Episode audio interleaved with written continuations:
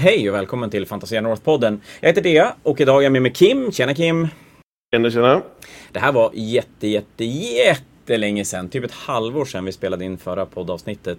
Men nu är vi tillbaka med råge och du och jag, vi har varit ute på äventyr och ska snacka om The Grand Fanatic som var förra helgen.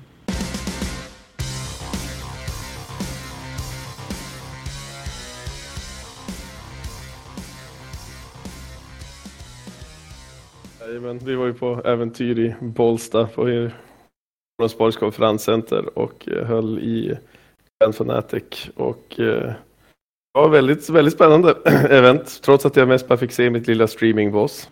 Du hade ett supermysigt litet, litet krypin. Ja, men det vi ska säga, vi kan väl backa tillbaka till alldeles i början och vi, Fantasia håller ju två stycken Fanatic-turneringar per år här uppe i Umeå. Och någonstans för drygt ett år sedan så kom vi på att det skulle vara kul att arrangera någonting i Stockholm tillsammans egentligen. Eller idén föddes tillsammans med Jesper på Asylum Wargaming. Att om vi kan lägga en Fnatic-turnering i Stockholm så skulle vi kunna ja, men, använda det vi har lärt oss genom alla år genom att hålla turneringar och dra ännu mer folk än vad man kan göra upp till. Ja, det är så här nere. Nu bor jag i, väst, i Vänersborg istället för uppe i Umeå som jag gjorde tidigare och det finns ju en hel del mer folk här att plocka av. Eh, och därav så är det ju mer lämplat för ett, men, en lagturnering. Eh, till skillnad från uppe i norra Sverige där vi har lite för kort om folk för att kunna skapa det och göra det intressant. Ja, precis. Och det kan vara svårt kanske att få fyra personer att ta sig upp och, och, spela, att få upp en eller två lite överallt ifrån, det brukar inte vara något större problem. Det hade kunnat funka här i Umeå också, men lite grann ville vi försöka göra konceptet med just hotell, eh, boende, mat, kanske lite öl eller mycket. Väldigt mycket. Väldigt mycket. eh, hur man ser på saken. Och, och, få in hela det konceptet. Så att då hittade Jesper Aronsborg konferenshotell som ligger i Bålsta som är 30 minuter från Stockholm. Uppsala. Det var ett väldigt typ, bra pick. Ja, typ Uppsala fast lite åt ett annat håll. Ja, inåt landet från Uppsala, Stockholm, någonting sånt. Det var ju väldigt, väldigt bra lokal just för att hålla eh, den här typen av turneringar. Det fanns ju fler salar också som vi skulle kunna utnyttja i framtiden då vi för oss att vi behöver ännu mer spelare och ännu mer pilsner eh, rullandes i korridorerna. Förhoppningsvis så är ju folk nöjd med, med helgen och, och de som var med vill komma tillbaka igen. Och de som inte var med kanske kan få höra hur det var och, och känner att man vill testa på det nästa, nästa vända. Det är väl ändå så att det kostar ju en slant att fara och spela på det här sättet och de som inte känner Fantasia och, och, vet vad vi arrangerar för typ av turneringar kanske ändå känner sig lite tveksam till att åka iväg på ett sånt här event då. Ja, att kasta iväg ett och ett halvt tusen kronor sådär äh, spontant. Men det, jag satt och pratade runt lite grann med efter äh, dag två äh, med folket och många av dem sa ju just sådär att ja, men du gör det här en gång per år och varför inte göra det här då, då är det smidigt att komma dit och men man vet vilket trevligt folk det är man kommer få träffa ändå och man vet att det kommer skötas, det kommer skötas bra. Ja, och nu har vi kunnat bevisa det för, för alla som var där och, och som du säger, rent generellt sett så lät folk väldigt, väldigt nöjd. Ambition, ambitionen är väl att kunna öka med 15-16 lag totalt. Nu var vi 15 Age of Sigmar-lag och 23 40K-lag. Så 92 40K-spelare och 60 Age of Sigmar-spelare. Så att ändå en bra mängd och en turnering som ändå någonstans gör lite avtryck i Sverige och Europa. Och det är ju framförallt i våran första. Det var ju vi som provade våra baby legs och vandrade ut i, ja det är ju inte, det är familjärt territorium. Men så är det ju. Det, det blir ju ändå nytt med men, hela pairing-processen som jag vågar inte ens läsa i regelhäftet hur den skulle gå till. Nej, ja men så är det. det. Det är nya saker. Och som arrangör också att åka iväg 60 mil med alla grejer där man är van att egentligen kunna svänga runt hörnet och hämta upp om man har glömt någonting. Och, och man vet den lokal vi har haft nu i Umeå har vi haft i 20 år, 40, 41 turneringar, så man vet ju exakt varenda fläck på golvet. Ja. Här visste vi ju inte alls egentligen vad vi hade att vänta oss. Jag har varit där och tittat, titta och hälsat på, men det är väldigt stor skillnad att komma dit en tisdag när det är en Elgiganten-konferens mot att komma dit fredag kväll i skarpt läge och veta vad som, vad som finns där runt omkring. Ja, det för oss som skulle sätta upp streamingbordet, för oss var ju vår först, min första fundering, vars tusan sitter vi här inne? Eh, och till, till, slut hittade vi ju den här lilla krypinnet just bredvid vikväggen. Så vi kunde som bunkra in oss i och ladda Ja, det var upp egentligen, med... det var som utrymmet där väggen veks in. Så att det fanns en liten, liten extra bit där man kunde sitta. Ja, det, det hade blivit jättespännande om någon, någon hade stängt väggen, för då hade vi fått det trångt. Men sen upptäckte vi ju det också att där fanns det ju faktiskt, eh, det där var en gammal så här, ja, konferenshall där de hade ett kommentatorbås egentligen, eller så här filmbås där folk satt och styrde ja. projektorer och grejer. Så nästa gång kommer ni att sitta med, med översikt över hela lokalen och, och verkligen sådär någonstans isolerad fast ändå mitt i. Det vi kommer behöva nästa år det är att vi ska ju se till att kunna streama två bord. Eh, jag ska se till att försöka lösa så vi kan montera en till kamera. Mm. Så att vi har minst två bord. För det var det vi kände också lite grann eh, från streamingdelen. Det var att vi blir lite som i en, e en liten bubbla. Vi, eftersom att det är en lagturnering så vill vi veta lite grann vad som händer på de andra borden. Eh, ja, så att vi vet hur, hur, stor impact har just den här matchen. Som jag tror det var match, match två där det var skillnaden mellan en förlust och en draw då beroende på hur vem det nu var som spelade på streamingbordet. Det fick vi veta som så här, just innan den då var klart. Och det hade man ju velat veta tidigare egentligen. Absolut, och, och där kommer vi, glider vi in lite på själva lagkonceptet. Att det, den individuella resultatet är ju självklart viktigt, men, men ni kan ju hamna i ett läge där redan streamingmatch spelas för att bli en... Ja, man behöver bara vinna med 13-7 för att man ska vinna hela, hela lag... Eller hela, hela ja, omgången. Och då är det klart, då är det inte intressant kanske att blotta sig för att försöka vinna mer. Utan då spelar man mycket tajtare och spelet blir väldigt annorlunda mot hur det skulle ha sett ut annars.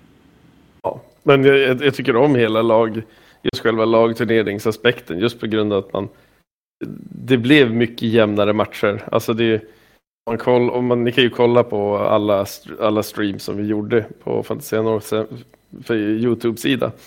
Eh, alla matcher kändes tight. Alltså det var ingen match som blev sådär total kross tur 2-3 utan alla matcher var verkligen tvungna att spelas ut i tur 5.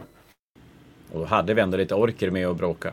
Ja, och orkerna gav en god showing. Jag tycker att Björn gjorde ett otroligt bra jobb med sina orker. Eh, både jag och Lennart hade ju totalt bara att ah, det här kommer att bli 20 nollas, ingen chans i världen. Men i matchen, det, det, det, det var vackert att titta på.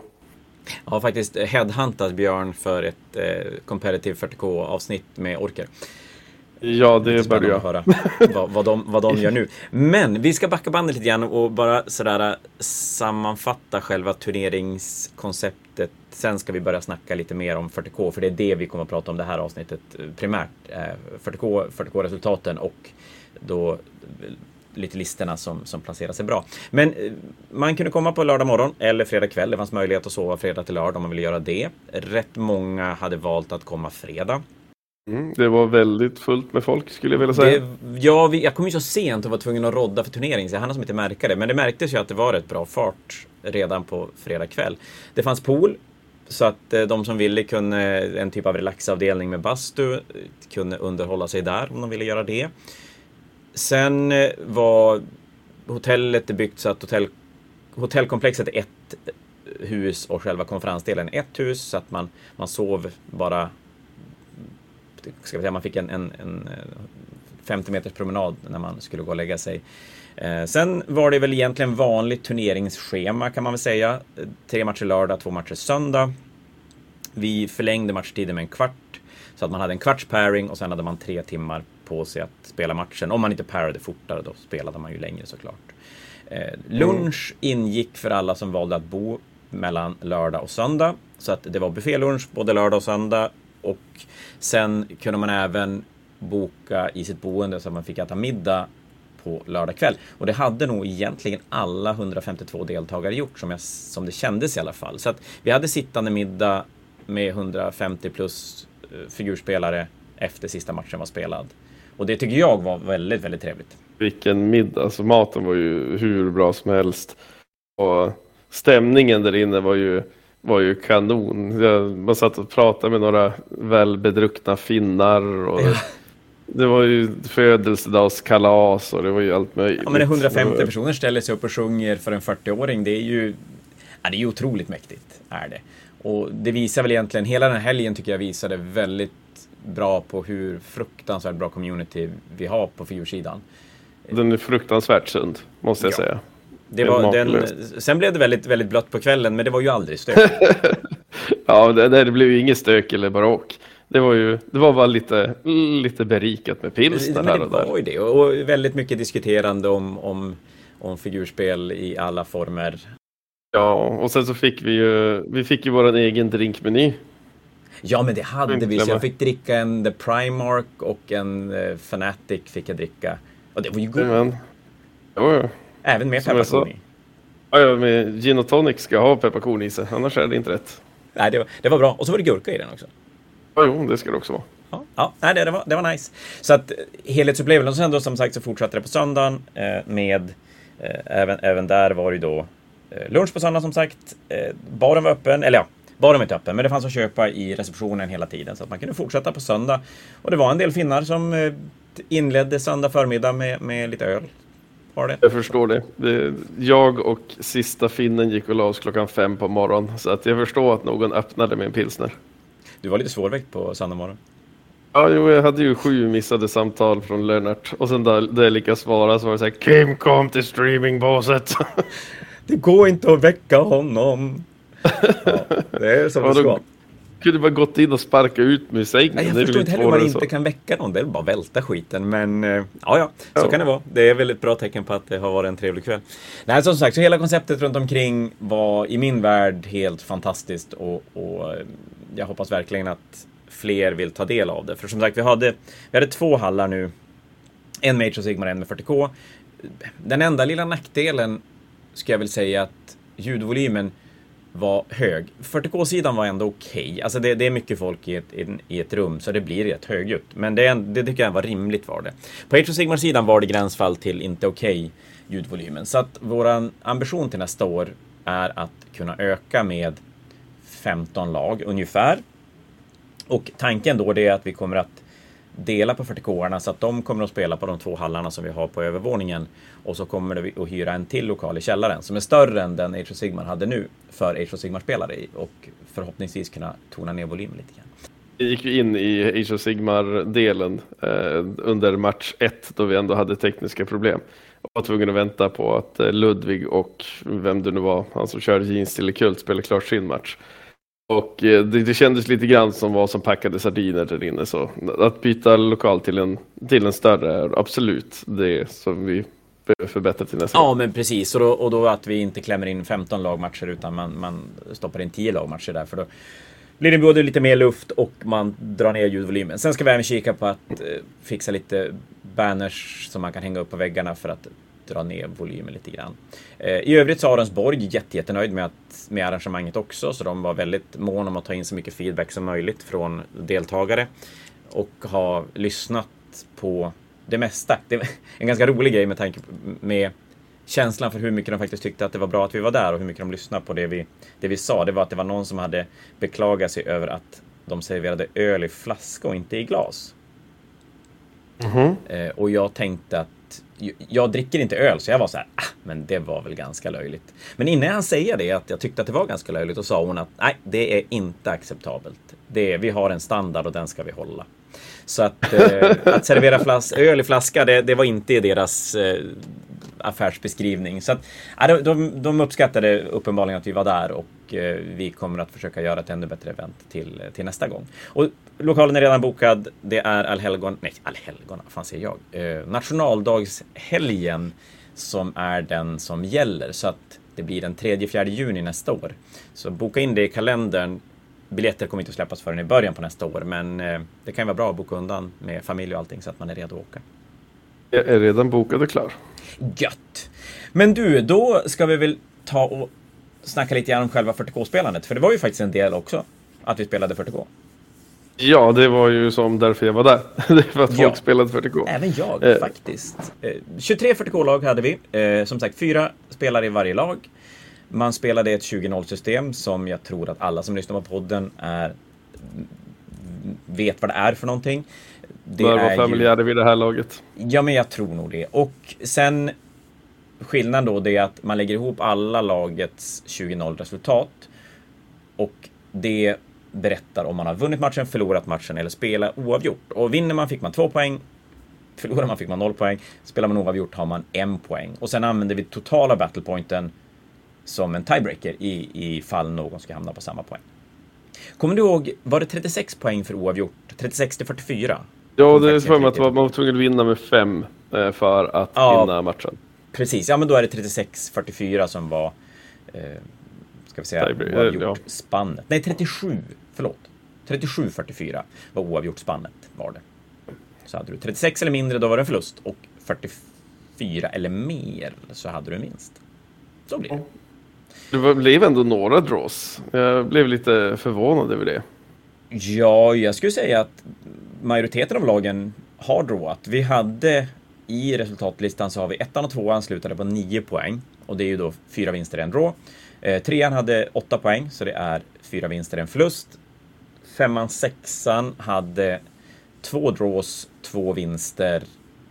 Nej, vänta nu. Nej, de hade två, tre draws och två vinster på sju poäng.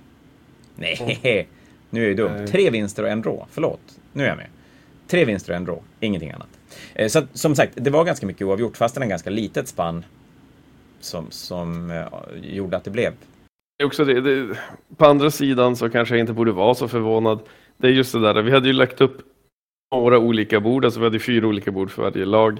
Och sen så var det som från tung terräng ner till ganska lätt terräng. Så att eh, även om du har någon, ja, till exempel Knights som skjuter som några gudar, ställ dem på det med lite terräng, de kommer att dominera alla matcher. Som vi såg eh, runda ett då Bebbe och eh, Jussi gick 20-0 bara patam, tur 2-3 så var motståndaren borta. Men hade du ställt samma lista på till exempel streamingbordet då hade de inte alls haft samma, samma impact eh, över, eh, över den matchen. För då hade du kunnat gömma, komma in i närstrid och döda dem. Så att eh, det, det kanske är logiskt just då alla spelare kan bestämma var, vem de ska möta och var de ska spela, att det blir ganska tajt.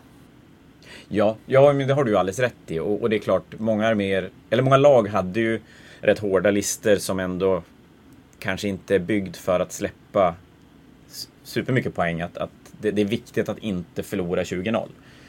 Ja, en 15-5 räcker ju otroligt bra i ett lagformat där, där i ett singelformat så, så är ju 15-5 gränsat till lite lite om du ska vinna en turnering i ett 20-0-system. Om man inte spelar win-loss då vill säga.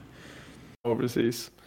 Men det, vi hade ju också ganska många roliga listor. Alltså folk som, det var ju en del kaos, ett par demon, det var väl en demonspelare till Två och med. Två demonlistor var med, det, det var med en del kultarméer, det var Space Marines med, det var en Necron-spelare. Jag tror att alla arméer var representerade. Faktiskt. Jo, det var en Chaos Space Marine-lista också med. Jag är ganska säker på att alla listor var... Ja, det är klart, alla Space Marine-varianter var ju inte representerade, men alla, Nej. alla böcker som har en... Eller alla arméer som har en eget kodex var på plats. Ja, alla var... Jo, alla var nog där. Ja, för det var en Space Wolf och det var en... Nu ska vi se. Det var en Space Wolf. Imperial Fist var med. White Scar var med. Iron Hands hade du dock inga. Nej, vi hade, nej precis. Det saknade någon Space Marine-variant gjorde det faktiskt. Men, men i princip allt. Du kunde se allting på borden och det var ju skitkul. Konverteringarna. Ja. Den här Space Marine killen som hade gjort Elgato Meckar ifrån Mech Warrior av eh, sina Eh, vad heter de, Invictor Warsuits som var ju så sjukt coola. Dansvärt coola. Det, det var, jag fick, eh, nu är ju inte jag lika bevandrad, men jag fick ju sjukt mycket Robocop-feeling. Den, den, första onda roboten i Robocop, lite, lite den känslan. Ja, jo, jo men, precis, men den, den, ser lite grann ut som en sån här Elgato ifrån uh, Mech Warrior. Det var... Lite samma, 80-tals uh, Mecha-stilen. Ja men exakt. Och sen hade vi ju Samis som vann Best in, Best in Show på 40K-sidan med sina Mega Gargant Knights också som var någonting alldeles, alldeles, alldeles extra. Ja. Dock, jag, jag, jag vill ju rösta på eh, finnen som hade frihandat sina Knights. Frihanda dit alla Admec-symboler, frihanda dit alla tech priests på alla shoulder pads. Alltså det, den, alltså den målningen var utsökt. Jag har bilder på min Instagram. Ja, vi har bilder Fantasia Norths Facebook-sida och eh, vad är det du heter på Instagram? Rather done than perfect. Rather done than perfect finns det. Eh, och eh, det där tycker jag är lite kul också. När, för, för det var väl ändå så att om vi, om vi tittar på startfältet så vi hade 23 lag. Jag skulle säga att vi hade kanske 12-13 lag som kom dit med ambitioner, kunskap och lister för att vinna. Och så sen hade vi då en 10, 8, 10 lag som kom dit för att ha en jävligt trevlig helg med sina polare och, och dricka öl och kanske att resultatet fick komma sekundärt i sitt spelande. Och det gör, den fördelningen gör ändå att man till nästa år att man kan känna att även om man inte är där eller känner att man, man är bra eller har tillräckligt bra arméer eller vad det är så kan man ändå komma dit och spela för att det, det, slår ut sig så fort. Alltså det är den där första matchen där du kanske får möta ett, ett väldigt tryhardande lag. Ja, nu är det, det blir ju trevliga matcher ändå. Ja, det blir det ju. Alltså, om man kollar på eliten i Sverige, alla är ju så förbaskat jäkla trevliga. Uh, och samma sak, det, det, det, de här två första matcherna skulle jag vilja påstå. Första matchen kan ju bli att du får möta ja, VTC-laget, men andra matchen, oddsen är jäkligt låga. Tredje matchen, från där kommer man bara ha kul, för då är det bara tajta matcher på, mot folk på din egen nivå. Sista matchen är alltid bäst. Ja, ja men absolut. Eh, och det enda jag kan ha tänkt på så här i efterhand när man, när man nu har suttit och analyserat lite grann lagformatet och turneringen och allting. Det är att det kanske är viktigast av allt när man när man kommer på en sån här turnering för att få en riktigt trevlig upplevelse själv, det är att man egentligen spelar med polare som har samma ambition som man har själv. Absolut. För det är klart, om, om du kommer som, ja men vi har min kollega här uppe, Bebbe, han drog ihop, nu ska vi se, 89 poäng tror jag han hade dragit ihop själv. Mm. Och jag menar, det är ju, på de poängen vinner du ju en singelturnering. Ja, jo, det gör du ju. Absolut. Men det är klart, skulle han spela i ett lag som som inte i övrigt har ambitionen eller kunskapen eller arméerna för att plocka de poängen. Han kommer ju inte kunna bära laget tillräckligt högt för att han kommer att få rimliga matcher. Utan han kommer ju måste spela i ett klimat med mycket snällare spelare, snällare lister. Och då kan det bli ganska tråkigt för han och för hans motståndare. Och lite vice versa om du hoppar in i ett av VTC-lagen och inte är där spelmässigt eller armémässigt så är, kommer du ju inte att sänka laget tillräckligt mycket. Så du kommer ju få enormt hårda matcher och, och det, det kanske är värt att tänka på när man, när man väljer eller hoppar in i lag. Sen kan det ju vara kul att vara den som slängs under bussen också. Så är det Ja, alltså det är så att sa flera gånger på streamen. Att man blir kastad under bussen är ju en, alltså det är en position då du kör lagturnering. Mm. Okej, här har vi den här snuskiga jäkla tyrannidlistan som ju är dagens, dagens demon så att säga. oh ja. vem, vem ska ta smällen? Vem, vem kan spela mot den här listan och roffa åt sig så många poäng som möjligt och inte bli 20-nollad? Eh, och det är ju som sagt det är ju en egen position ja, som man i princip måste ha i laget. Någon som kan den, kontra ja. det som är det. Den stora och den är demonen. ganska viktig för det är klart kommer man med, med ja men som du säger, tyrannider var väl kanske den listan som, som skulle vinna med 20-0. Alltså, har du med den så är det den som ska, den ska vinna mycket. Och om du möter den, då, då har du ett jobb. Det är ju att plocka, jag menar, två poäng, fem poäng. Är ju, alltså plockar man fem poäng mot en tyrannilista den här turneringen, då har man gjort way mer än kanske någon hade förväntat sig egentligen. Egentligen.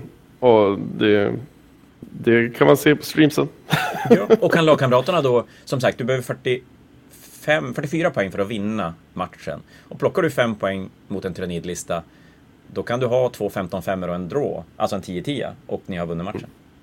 Ja, precis. Så, Så att det skulle fortfarande säga att vara den som kastas under bussen är en viktig position och det är kul att spela den också just för att spela inte bara för dig själv, du spelar för tre andra personer.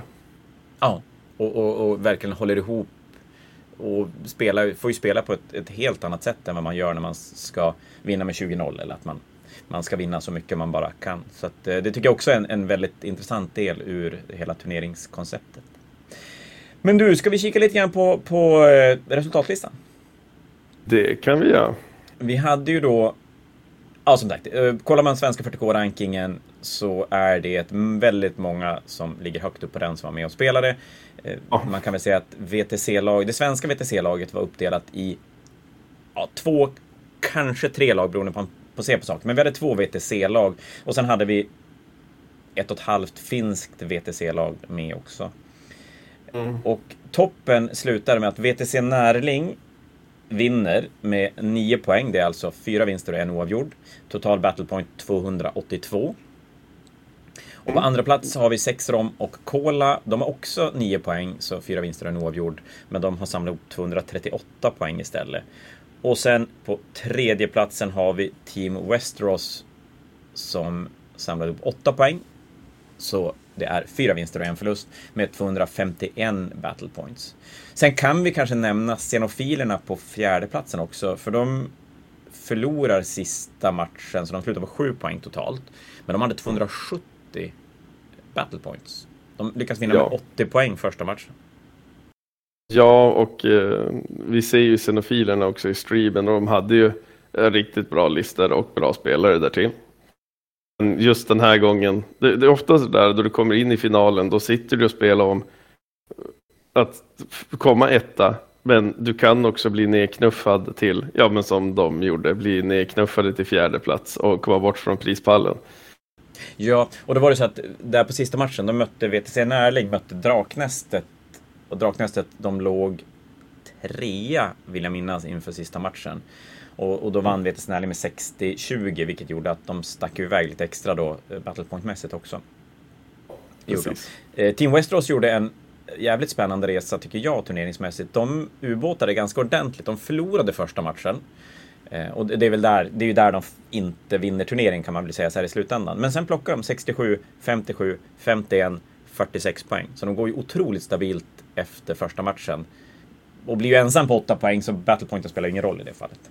Men Västerås är rätt bra också. Alltså det, är, det är inget lag man bara kan bortse ifrån. Menar, Västerås-turneringen är ju Sveriges största, näst största, beroende på hur fanatiken kommer in och boxar på dem. Och kvaliteten blir ju lite grann därefter. Och så sen är det ju rätt nära till Stockholm. Det är nära, så att det samlas ju väldigt mycket duktiga spelare. Och det, det höjer ju kvaliteten. Det. Och för, för att plugga deras turnering också. De har, jag vet att de har bokat ett datum, jag har det bara inte i huvudet. Och ja, men det vet jag. Den. Vänta, nu. Hade... första, vänta nu, första helgen i september. Ja, precis. Jag vet det i september någon gång. Ja, det är första helgen i eh, september. För Fanatican kommer vara första helgen i oktober, så det var precis en månad emellan. Kan ni så far på den. Jag var på den, den som var bara för en månad sedan, var det väl. Eh, det var jättekul. Jättebra folk, bra turnering, bra terräng. Eh, det, det var jättekul. Absolut värt alla timmar på tåg. Ja, nej men så, så är det ju. Och spela de här stora turneringarna är ju...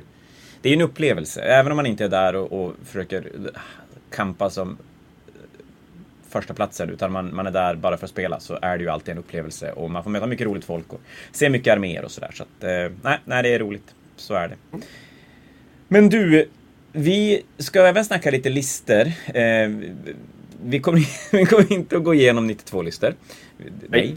Vi kommer kanske inte att gå igenom åtta listor, utan vi tänker att vi fokuserar på VTC Närlings lista. Men vi ska, vi ska även prata lite grann om, om våran känsla kring, kring arméerna som var med. Och jag tänker att vi kan börja lite grann med det vad som stack ut, eller om det var någonting speciellt som stack ut. Och jag kan väl känna, om jag får börja och ta det mest uppenbara så är det ju så, och det har vi redan nämnt, det var mycket tyrannider. Jättemycket tyrannider. Jag tror nästan alla hade en tyranni med sig. Som något enstaka ja, lag. Inte långt ifrån. Jag vet ett lag i toppen. Nej men just det, Team Westeros var det ju för, för Katsikan. Spelade utan tyrannider, gjorde de. Ja, men jag tänkte säga, det är väl ganska uppenbart också varför alla minns tyrannider. Det är inte bara för att tyranniderna är den stora demonen eh, just för tillfället.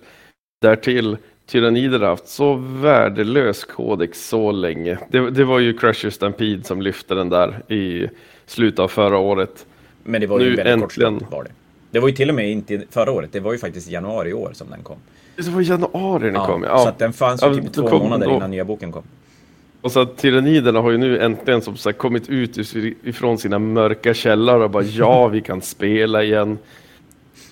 Och det gör ju att, att det är ju en armé som, ja, men som du säger, det är ju en armé som väldigt många tror jag har antingen har eller har suktat efter. Och, och det är ju en armé som är ganska annorlunda från alla andra 40K-arméer rent eh, visuellt också. Ja, den, den, den är ju en sån här klassiker. Alla har vi ju kört Starcraft och den här Zerg-arméerna eller Starship Troopers och man bara, mm, alla de här insekterna som bara springer fram. Det, det finns som någonting, då, vi som tycker om sci-fi, just med stora insekter som äter hypermoderna rymdrobotar som Ja, men är man 80-talist eller 70-talist, då har man ju vuxit upp med Aliens till exempel. Och jag menar, ja, precis. En av de det... sci-fi-filmerna som, som någonsin har gjorts. Absolut. Fram tills det kommer en 40K-film.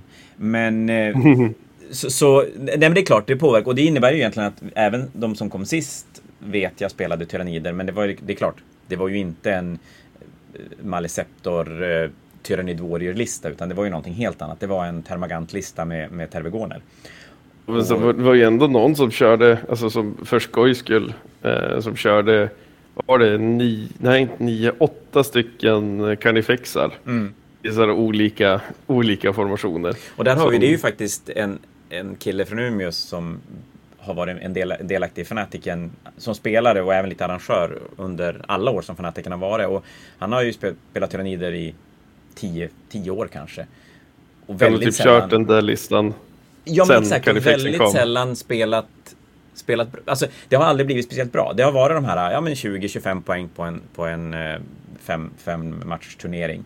Men nu visade det sig ju att med exakt samma lista egentligen så och egentligen spela på samma sätt så har ju en, en, en armé som ändå stökar till det lite grann. Alltså får du nio fexar i ansiktet, är du duktig så kan du hantera det genom att spela, spela poängspelet. Men när han möter lite sämre spelare så är det ju en chock. Hur fan ska man ta hand om nio fexar? Det är ju superjobbigt. Det är jäkligt jobbigt. Ja, tyranniderna är ju som sagt en som sticker ut. Men också så hade vi mycket eldar. Eh, av olika ja. smaken. Mycket Harlequins och eh, ja, vanliga Craftworlds. Men eldar måste ju vara en, en, en väldigt stabil nu är det ju en bra armé, så är det ju för sig också, så att det är klart den skulle vara med i singelformat också. Men visst är det en ganska stabil lag, ar, lagarmé? Det skulle jag också vilja påstå, just för grund att du kan ta bort de här dåliga matchupsen. För inte alla gånger man vill möta Knights med en eldarlista, eh, men då kan du ju bara försöka trada bort Knight-listan mm. mot någonting som faktiskt kan hantera den. Sen skicka in den mot ja, men allting annat i princip, för allting annat tycker den om att möta. Ja, för den har inga riktigt dåliga matchups, förutom kanske att den skulle få möta Knights på väldigt öppna bord, för då, då dör den ju. Ja, eller det mesta på väldigt öppna bord så dör den ju. Sen då kommer in det här att du välja bord och då, då kan du hålla borta de här lite squishy eldar. Då ja. i det här fallet bort från det bordet, sätta in den på lite mer lagomt terrängfyllt. För du vill inte ha för mycket heller för då stoppar du din egen shooting. Så att det är balansgång. Nej, man vill ha den här mittemellan-borden. För du nämnde ju det innan vi började prata om, om listor och grejer. Att vi, vi försökte ju då göra ett ganska dens två inom situationstecken normala bord och ett öppet bord. Nu ska jag säga det redan nu för er som var med och spelat. Vi har tagit åt oss av feedbacken och vi ska gå igenom mer feedback efter vi har snackat färdigt om, om eh, själva turneringen. Men att vi har tagit åt oss av feedbacken och de, de öppna borden var för öppna. Eh, det ska vi lösa till nästa gång. Vi kommer fortfarande ha konceptet öppna bord, men eh, jag tänker mig att en större ruin i mitten eller en lite större ruin i respektive deployment. Så man faktiskt har ett val att gömma sin armé om man då facear off mot Knights till exempel. Ja, för det blev lite väl rough. Det, det, blev, ja, det, det, blev, och det blev ju framförallt, och den feedbacken som vi har fått där, det är väl framförallt för de lagen som inte hade med sig det i tanken att man skulle spela på ett väldigt, väldigt öppet bord. Eh, så man kanske inte hade Knightsen eller ens den typen av armé. Då blev det helt plötsligt väldigt mycket mer kännbart och det, är ändå, det ska ju ändå vara roligt att spela. Det ska inte bli så att man, man får en, en pairing på ett bord och så vet man att det här är en autoförlust. Eh, mm. Våra, våra mellanbord, eh, om man är van att kolla på streams, och, och, då är det väl ganska vanligt att man kollar på, på amerikanska turneringsscenen, så är ju de, de har ju enormt mycket terräng på sina bord. När de spelar. Och, och, vi kanske kan säga att vårat dens bord är väl snarare åt det hållet och våra mittemellanbord är lite mindre terräng. Men jag tycker ändå att de var... Jag, jag gillar dem. Jag tycker de var bra, de, de borden som var. Utan det var de öppna borden som var lite väl öppna. Streamar på såg det alfabet. Streamen såg nice ut och som sagt finns på Fantasia North YouTube-kanal. Finns. Och även förra Fanaticens matcher har Kim varit duktig och lagt upp också. För det hade inte jag gjort. Ja, det var, det var lite krishantering. De var så sena så jag tänkte att nu får vi bara ut dem här så att de finns så folk får titta på dem. Faktiskt. Men eh, tillbaka till, till lite lister. Vi har eldar var det mycket av och som sagt tyrannider var det extrema mängder av. Sen Knights. en som sticker ut lite grann, ja exakt, Knights. Och det är ju på ett sätt inte förvånande för att det är en armé som spelar spelet väldigt annorlunda från alla andra arméer. Det är en armé som går ganska fort att få ihop om man inte har den sedan tidigare. Men ändå vill jag bli lite förvånad över att boken hade kommit två, tre veckor innan. Alltså ganska precis på deadline. Ja, ganska. Och, det är ju aldrig tufft kanske att rycka. Chaos Knightsen hade ju haft en lite försprång med den här Army, Army-setet som kom ut. Men Imperial Knight-boken den kom, var det en vecka innan? En och en halv, typ. Jag tror det var en och en halv vecka. Det var, det var väldigt tajt. Och det kanske man skulle kunna tänka sig ett argument för att den inte skulle vara med. Men eh, många lag, nästan alla lag, hade en Knight med.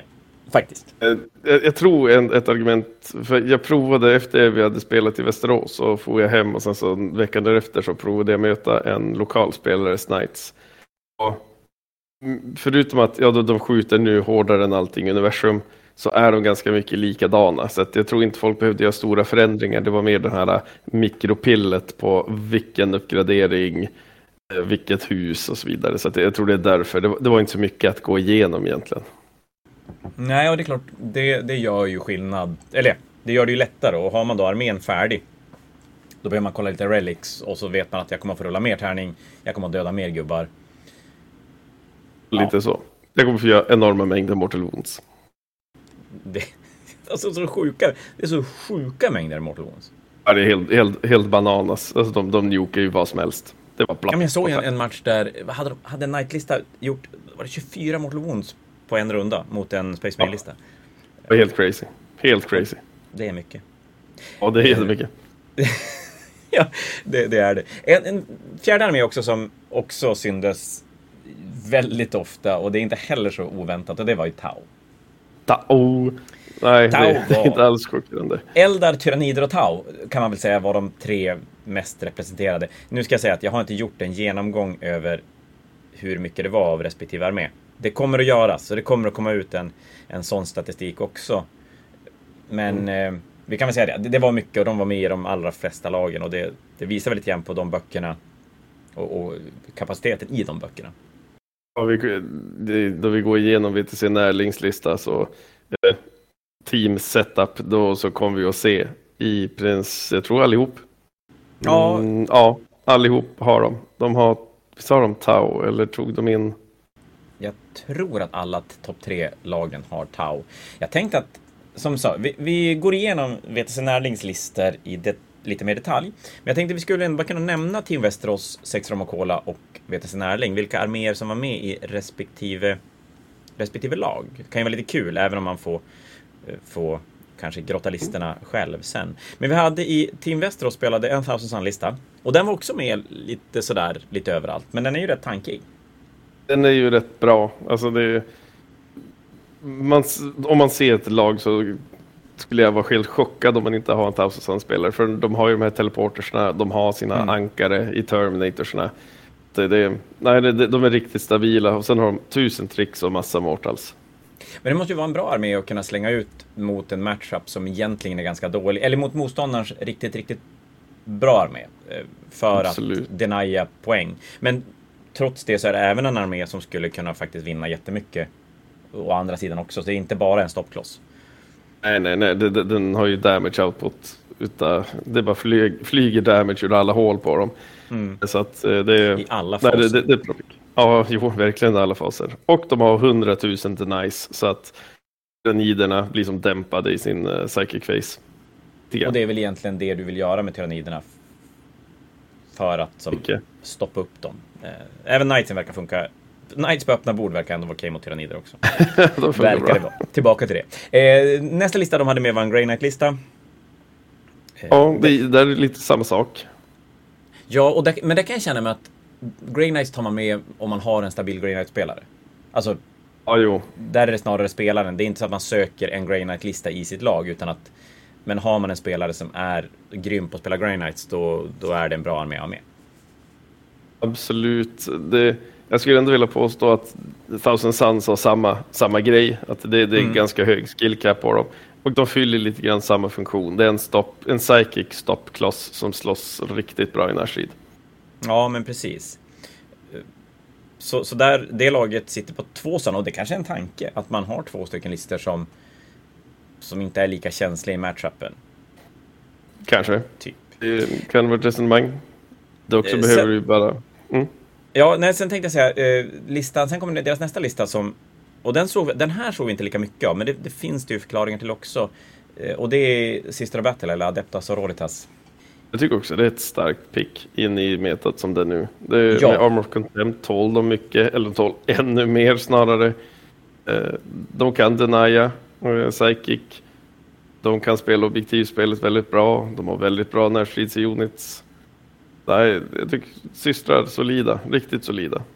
Jag tror att anledningen varför jag säger i början att jag tror att en anledning att det inte är så himla mycket systrar är ju att den det är en ganska tung armé att slänga ihop. Alltså det är rätt mycket modeller, är det. Det är mycket modeller och de är väldigt jobbiga att måla.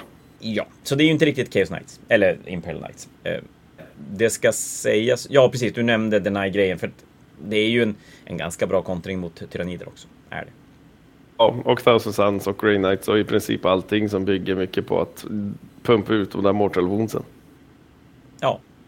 Eh, slutligen i deras lag, Team Västerås alltså, så hade de en Chaos Knight-lista. Så faktiskt utan Tau.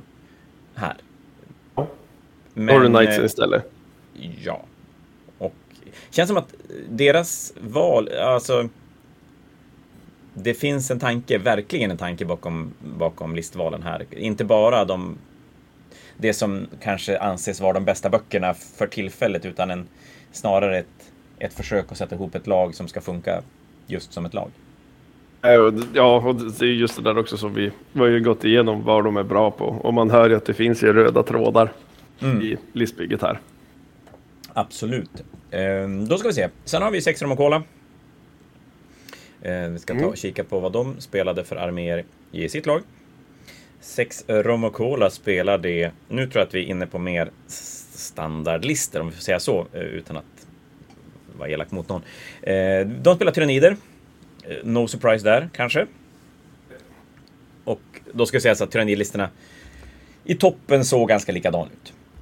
Ja, men det, det, är lite problemet vi har. Alltså det, vi har jättemycket bra saker i Tyrannidkodexen. Men vissa saker är mer spicy än andra. Och fyller upp luckor som andra delar i kodexen har lite svårare att fylla upp. Så att det, de, ser ganska, de ser ganska likadana ut. Men det är också bekvämt att spela någonting som är ganska likadant. Absolut, och där, där blir det spännande. Eh, vi, vi spelade in, du och jag, en Tyrannid Competitive 40K-avsnitt med Tyrannidboken när den var ny. Ja, Men både du och jag är rätt peppad på tyrannider. Ja. Så höll vi på i tre och en halv timme. Oh. Så det den blev lite för lång. Den blev lite... Och då ska vi säga att vi rushade ju Heavy Supporten på slutet. Ja, jag tyckte ändå vi rushade ganska hårt ändå, men vi hade för mycket att prata om. vi ska göra om, göra rätt, eh, men vi väntar på den fack som alla rykten pratar om ska dyka upp ganska snart kring tyranniderna. Då det pratas ju om lite poänghöjning på, på Warriors och på uh, Allt vi ser på borden. Ja, faktiskt. Allt vi ser på borden. Eh, rimligt. Det känns ändå som att tyranniderna har så himla mycket mer att ge. Och, och det finns så mycket mer enheter som man skulle kunna pilla på om det inte bara var så uppenbart att vissa saker var så sjukt mycket mer poängeffektiva än, än andra. De där poängändringarna kommer fortfarande göra att tyrannider är en, en, en kraft att räkna med. Ja, absolut. Och det, det kommer att vara vi kommer se, ja, vi kommer se mycket tyrannider och, och 40K just nu mår ju ändå rätt bra. Det är ganska många arméer som är och brottas högt uppe. Kanske inte absolut högst upp, men vill du göra okej okay ifrån det på en turnering, då kan du nästan blunda och ta en, ett kodex. Sen måste du tänka till när du bygger, bo, bygger armé självklart. Det är ju en annan femma. Jo, jo. Eh, nästa i sex rom och cola, det är eh, Grey Knights. Och då är det Kalle Abrahamsson som spelar Grey Knights. Och han får väl anses som vara en av Sveriges absolut bästa 40K-spelare. Ja, jo, absolut. Och, som vi nämnde tidigare, Grey Knights är ett bra pick. Nu minns jag inte hans lista sådär på... Han spelar tri triplade Red Knights, eh, tre enheter Interceptors, två tior, en femma.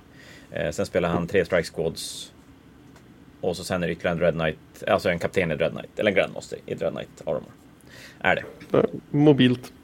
Mycket eh, mycket punch. Ja, tänker mig att den kan spela både på den täta terrängen för att den är så pass mobil och den kan spela på den, de två normala borden för att den är ändå ganska tankig. Även om den inte kan gömma sig helt och hållet. Absolut. Eh, sen spelar de Tau. Så där har vi, och där ska det väl sägas också att Tau-arméerna ser ganska smyglika ut. Faktiskt. De är väldigt lika. Det, det, det är mycket suits. Finns det en anledning att Crisis Suits har varit slut och skrev i, I don't know, två månader eller någonting? Ja, nej, det är inte så chockerande. De, de, jag tror lite grann här har vi samma syndrom som vi har med Tyraniderna. Äntligen blir någonting som folk har velat spela väldigt länge väldigt bra och då kommer alla ut ur sina mörka källare och ställer alla sot som kan på bordet. Japp, och man hade inte tillräckligt många så att eh, man behövde Warriors till exempel till Tyraniderna handlade ganska mycket om att man hade fel beväpning och man hade, hade dem sedan tidigare. Så att, och Harpin och Maleceptorn är ingen som spelade med så att då var man bara pepp på att få in en, en modell som man inte har kunnat använda tidigare. Ja, verkligen. Eh, sen har vi en Alderi-lista eh, och då är det inte en Holkin-lista utan det är en, en eld, får jag säga eldar? Ja, jag säger eldar. Ja, det är klart du säger eldar. Det... Vi är födda på 80-talet när du är typ född innan 80-talet. Alltså ja, precis. Men, ja, det... det... är eldar, I, ingenting annat. Eh, och den här, ja, jag vet inte heller om det, det är inga super överraskningar. Men har, nu har ju Eldar mer att välja på. Alltså, eller, de har mer som är som syns i lister, kanske jag ska säga. De tyranniderna ja. har ju fantastiskt mycket att välja på också, men, men det är Swooping Hawks och det är Dire Avengers och, och sådär. Så lite mix av grejer.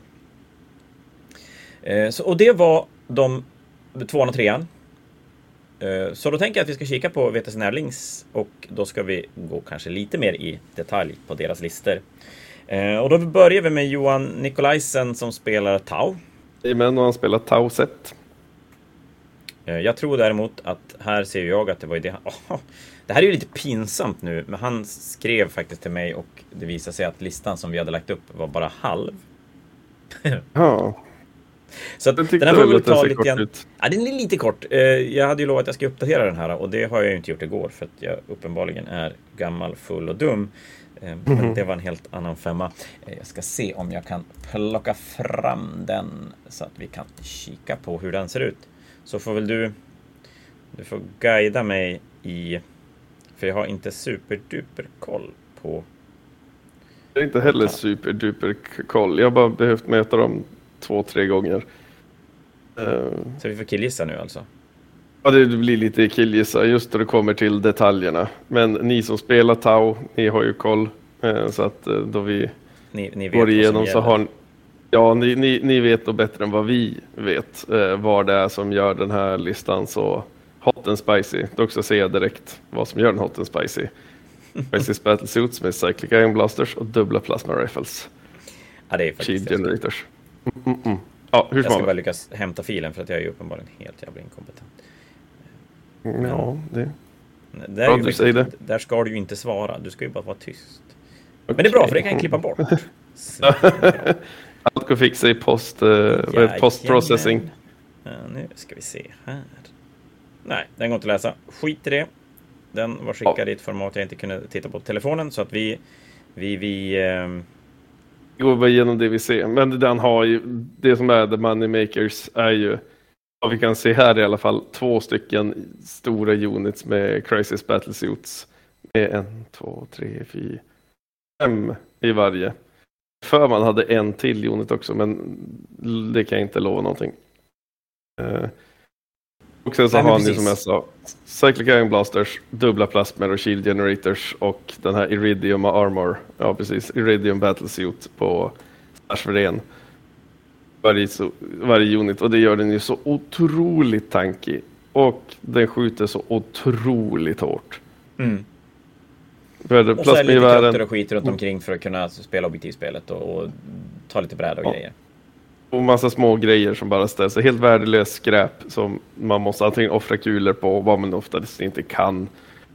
Uh, och så har han, han har lite drones för att poppa ut marker lights. Och... Men det, är en ganska standardlista skulle jag vilja säga. Mm. Eh, men då hoppar vi vidare till Chris Fiedlers lista som spelar Tyrannider i Leviathan här är det inte heller något uppfunnet hjul. Nej, nej, det här är inget nytt under solen. Det var det den här, jag ska dubbelkolla. För han spelar, som sagt, Leviathan-lista, han spelar med en Euthrop och en vingad Hive Tyrant. Det är två stycken tyrannidvårenheter med Deathspitters och Dual Bone Swords. Han, han har fyra. Han har en annan i en annan... Ja, precis. Det kommer, eh, det kommer fyra. Ja, Bro. precis, det kommer för det är två detachments är det. Så att han spelar två vingade High Tyrants egentligen. Fyra enheter Warriors med Deathspitter, Dual Bone Swords. Han spelar en Maleceptor. Och så sen är det eh, tre Pyrovorer. Och två Harpies. det, det är inget nytt under solen. Det, Nej, det är Bra lista. Ja, två Harpies, ja precis. Ja, nej, det här är en jättebra lista. Jag menar, Warriorsna är hur tankiga som helst och slår rätt hårt. Jag menar, Harpiesarna skjuter ju hur mycket som helst. Harpisarna skjuter hur mycket som helst och tål otroligt mycket. Mm. Jag som är gammal Admec-spelare. Om mina bombplan hade fått vara som dem, holy crap, jag Du, hade kört vänta nu. fler. Nu sa du någonting. Det var inga Admec-spelare. I hela Oh, nej, det var, nej, det var 92 ingen spelare, Admec. ingen Admec. Det är ju skamligt. De har bara försvunnit. Ja, men de är, de är nerfade så, så otroligt Ja, men, hårt. vad fan, de är ju... De är, är de sämre än Necrons och, och grejer? Nej, nej, nej, nu får vi lugna. Ja, nej, nej, inte sämre än Necrons. Så jag är bara förvånad att det inte är någon. Jag tänker att det är så mycket spelare så att... Men, men var det så att Admec kanske inte hade så stor spelarbas innan? Blev spelad för att de var ganska bra? Alltså det, Admec hade en väldigt liten spelarbas innan Ja. vi fick explosionen. Och det var ju inte ovanligt att jag gick ensam Admec på en turnering. Nej. Och det är klart, då är kvaliteten på armén rätt viktig för att den ska synas. Tyrannider, som du säger, tyrannider skulle vi ju se trots att de är sämst. Så kommer ju någon tyrannid komma och vara med och spela. Bara av nostalgi. Lite som Space Marines. Alltid någon Space Marines. Lite som Space Marines. Eh, sen var det med zoantroper också, ska sägas. Eh, en zoantropenhet vill man väl alltid ha med i en tyrannidarmé. Och den här, då vi går igenom kodexen kommer folk förstå, som inte redan har förstått varför det här är så bra, förstå varför det här är så bra. Nej, det här är för jävla bra. Ja, Hey, crazy. Crazy, crazy. Ja, och den här listan, det är ju definitivt den som ska gå in och, och vinna 20-0. och den här ska krossa. Den här ska fullständigt krossa motståndaren. Eh, näst på listan har vi Sebastian Larsson. Han spelar Thousand Suns. Eh, Och det har vi pratat lite om tidigare, varför man förmodligen har med en Thousand Sun-lista. Eh, och det är Ariman. Ja, han spelar först eh, Cult of Duplicity. Eh, spelar med Ariman, Ja. en Exalted Sorcerer och en Infernal Master. Sen är det fyra stycken rubrikenheter med femmer. Det är en tia Thousand Sun-kultister och så är det en tia Ockult Terminators. Två tior Ockult Terminators. Ja, jag tänkte Och följt av en till 10. Ja, ja, men det är väl bra. Jag menar, har man en enhet som inte kan dö, varför inte spela två enheter som inte kan dö? Ja, jag har för mig att var det inte Sebastian som var på streamen mot Björn? Jo, men visst var det? Jag tror det. Vi hade en av streammatcherna var det just Thousand Suns mot eh, orkspelaren som, som gick väldigt, väldigt bra i xenofilerna.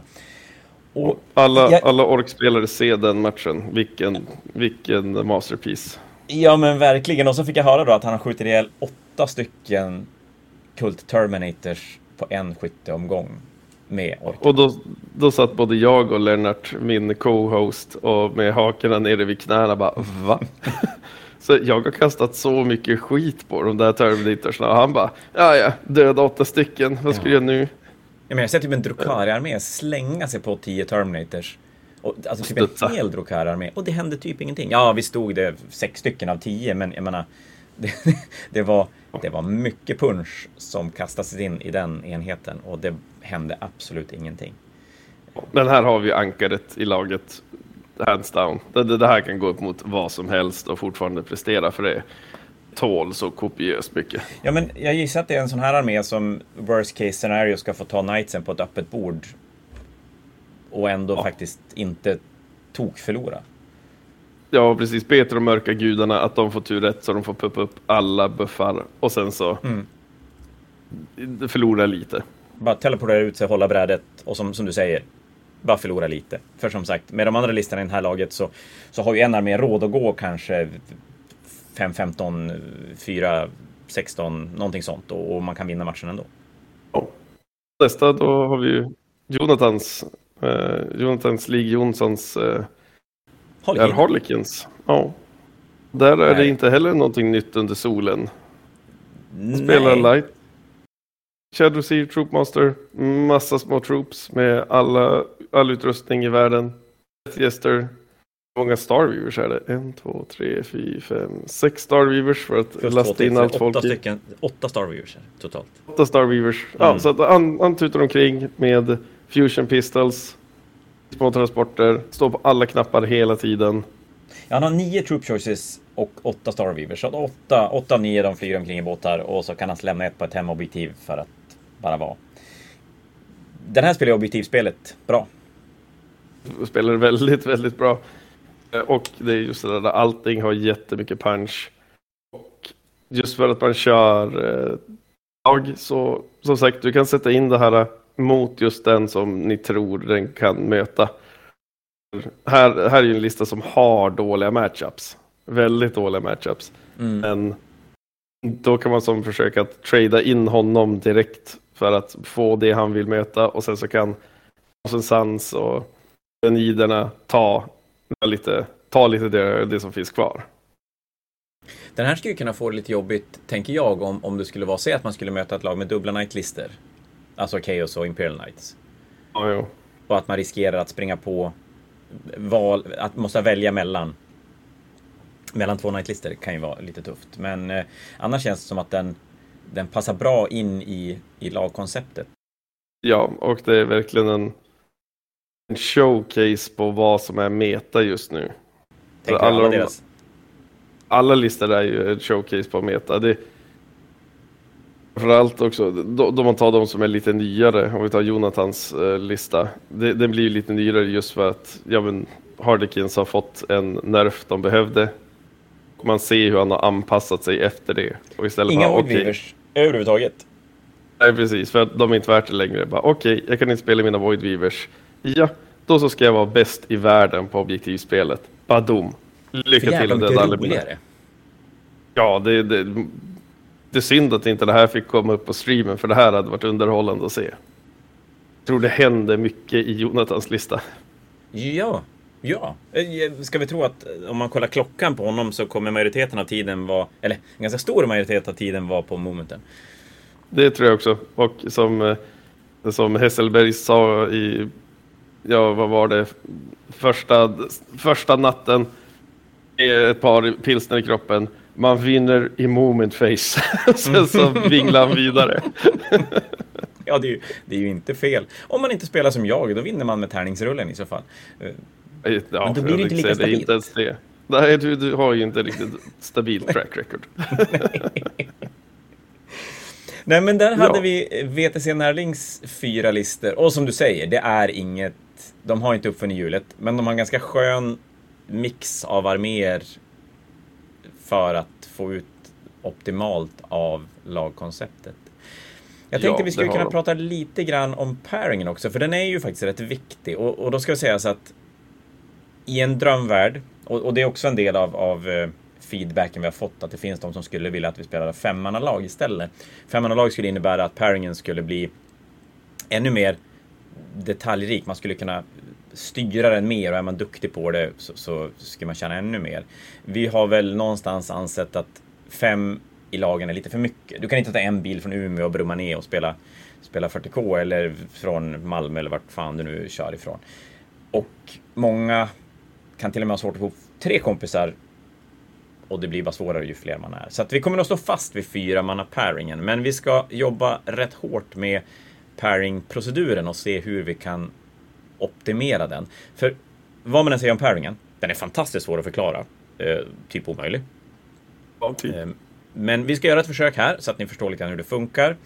Och, och, som sagt, det kommer hända saker med pairingen och vi kommer, för er som är som spelar mycket och tycker om lagformatet och, och ligger här uppe vid resultatlistan så hör gärna av er om ni vill ta del av, av våra tankar kring pairingen.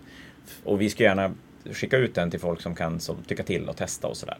Men den pairing vi spelar nu i alla fall, då gjorde man så att man började rulla vem, vilket lag som fick en Table Choice Marker. Den marken var exakt vad den, vad den säger att den är. Efter det så lägger båda spelarna fram varsin Defender. Och det lägger man dolt för motståndarna, så man ser inte vad, vilken armé man har lagt fram. Man flippar dem samtidigt. Efter det kommer båda lagen att möta upp Defender med två stycken attackers det gör man också dolt för varandra och flippar dem simultant. Sen kommer Defendern att välja en av de här två listorna som den möts mot. Som blir då de första två matcherna. Eh, den som har Table Choice Marker väljer sin Defender matchup, vilket bord den ska spela på först och sen får ju de andra då välja bord. Sen plockas arméerna tillbaka, de som inte blev valda. Man byter plats på Table Choice Marker och så gör man om samma procedur en gång till för att få de två kommande matcherna och, och sen är man ju färdig. Som sagt, det, det, låter mer komplicerat än vad det är. Faktiskt, det är sjukt rörigt. Och den här pairingen funkar, det gör den absolut. Eh, den har sina nackdelar. Den, eh, det blir ju så att de som väljer bord som nummer två kommer att få välja tre bord. Och de som väljer först kommer att få välja ett bord. Och där kan man ju alltid fundera på hur viktigt är första valet? Är det så bra att man lämnar, kan lämna bort tre val till motståndaren? Eller skulle man titta på ett alternativ där, där man, man går mer varannan? Kanske. Jag, jag tror att gå varannan hade varit lite bättre. Men... Det tror jag också. Och sen har vi även lekt med tanken att man... För nu lägger man fram listorna simultant, vilka som ska vara defenders på respektive och, och även attackers. Vi har bollat idén att man skulle göra det varannan gång så att ena laget lägger fram sin defender, möts upp av två attackers, väljer matchup välja. ja. och sen gör man om proceduren, vilket innebär då att om ditt lag lägger fram först, då har vi fyra arméer att välja på och, och möta upp dig med. Medan när vi lägger fram, då har du tre arméer att välja upp. Och välja mellan. Eh, också en, en, fundering vi har och där i, i det så blir det väldigt intressant. Hur viktigt är det att välja bord? Eh, för, för då, då får man ju ännu mer. Är det, är det bättre att få välja fy, alla sina arméer som, som försvarar mot en attacker? Eller är det viktigare att få välja bord, till exempel? Ja. Men det, det, får vi göra lite fälttesting på inför. Vi har ju ändå ett ja. år på oss innan jo, nästa precis. showtime. Eh, så jag, jag, tänker mig att det där kommer vi att kunna rulla och även få lite hjälp utifrån. Eh, men eh, konceptet kommer ju vara ungefär densamma i alla fall. Att fyra välkomponerade listor kommer oavsett vara en förutsättning för att kunna placera sig så bra som möjligt. Eller fan bara komma med det man vill och bara lira. Det är ju ett alternativ också. Och som sagt, vi har ju bastu och ba badet ska jag utnyttja mer nästa år. Jag ska komma ihåg att ta med mig badbrallorna. Där kommer jag kuppa med en pilsner mellan, äh, mellan dagarna. Adolfsborg skulle ha öppet baren lite längre, eller inte längre, men tidigare. Och de skulle även vara bättre på att berätta vart den fanns. För jag tror faktiskt en del missade den som, som inte suktade jättemycket efter lite alkohol under dagen. Jag var ju tvungen att börja fråga runt folk som höll i pilsner, så vars tusan är baren?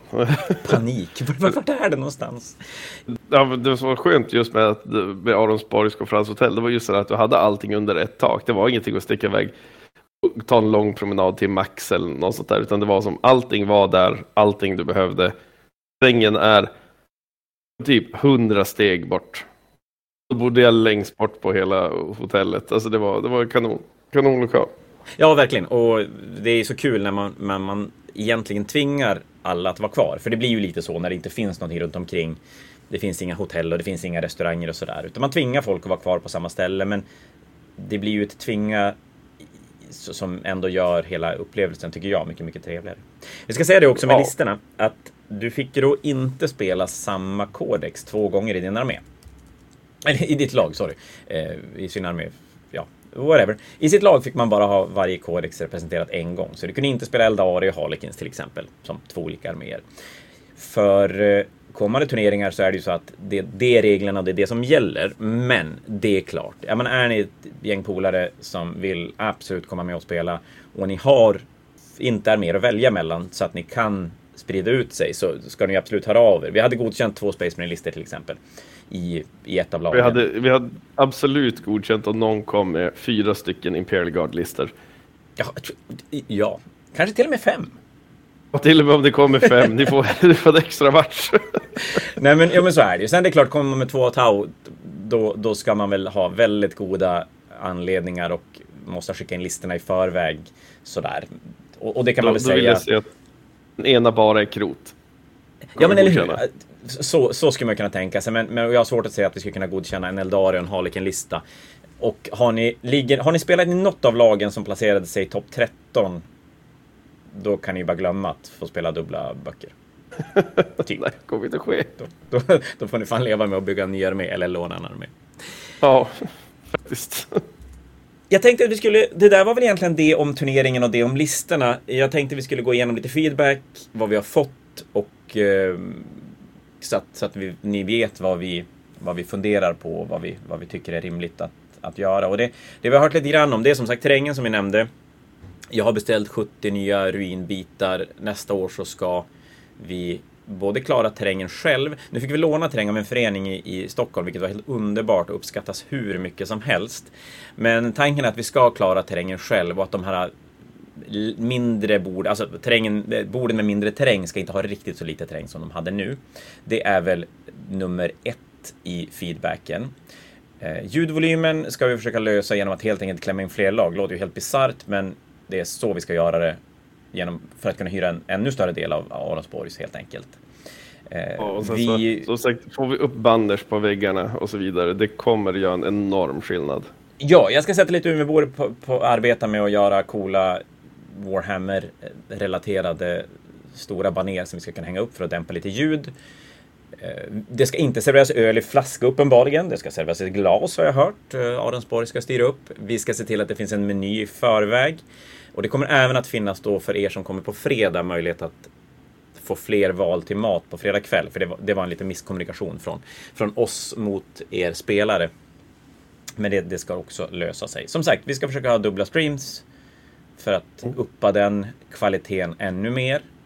Eh, och det är väl typ det som vi har fått pratat om. Eh, vi ska säga det också att det är ju en kostnad att spela, så är det. Man betalar 750 kronor per person för själva turneringsbiljetten och sen tillkommer ju då hotell och alkohol och liknande. Eh, det ska sägas det att vi, vi ska och, och, vi har fått lite funderingar på om man ska kunna erbjuda antingen kanske sänka priset eller erbjuda att man får med någonting mer i, i själva biljetten. Jag ska säga det redan nu att vi, vi gör inga jättepengar på den här turneringen. Det är en fantastiskt dyr lokal att, att hyra. Eh, så för mm. våran del handlar det väldigt mycket om att, att, att kunna erbjuda den här upplevelsen för Warhammer Sverige. Eh, men vi ska ändå kika på vad vi har för möjligheter och, och, kan vi bli fler så kanske det kan finnas möjlighet att stoppa in kanske objektivmarkörer i anmälningsavgiften eller någonting sånt.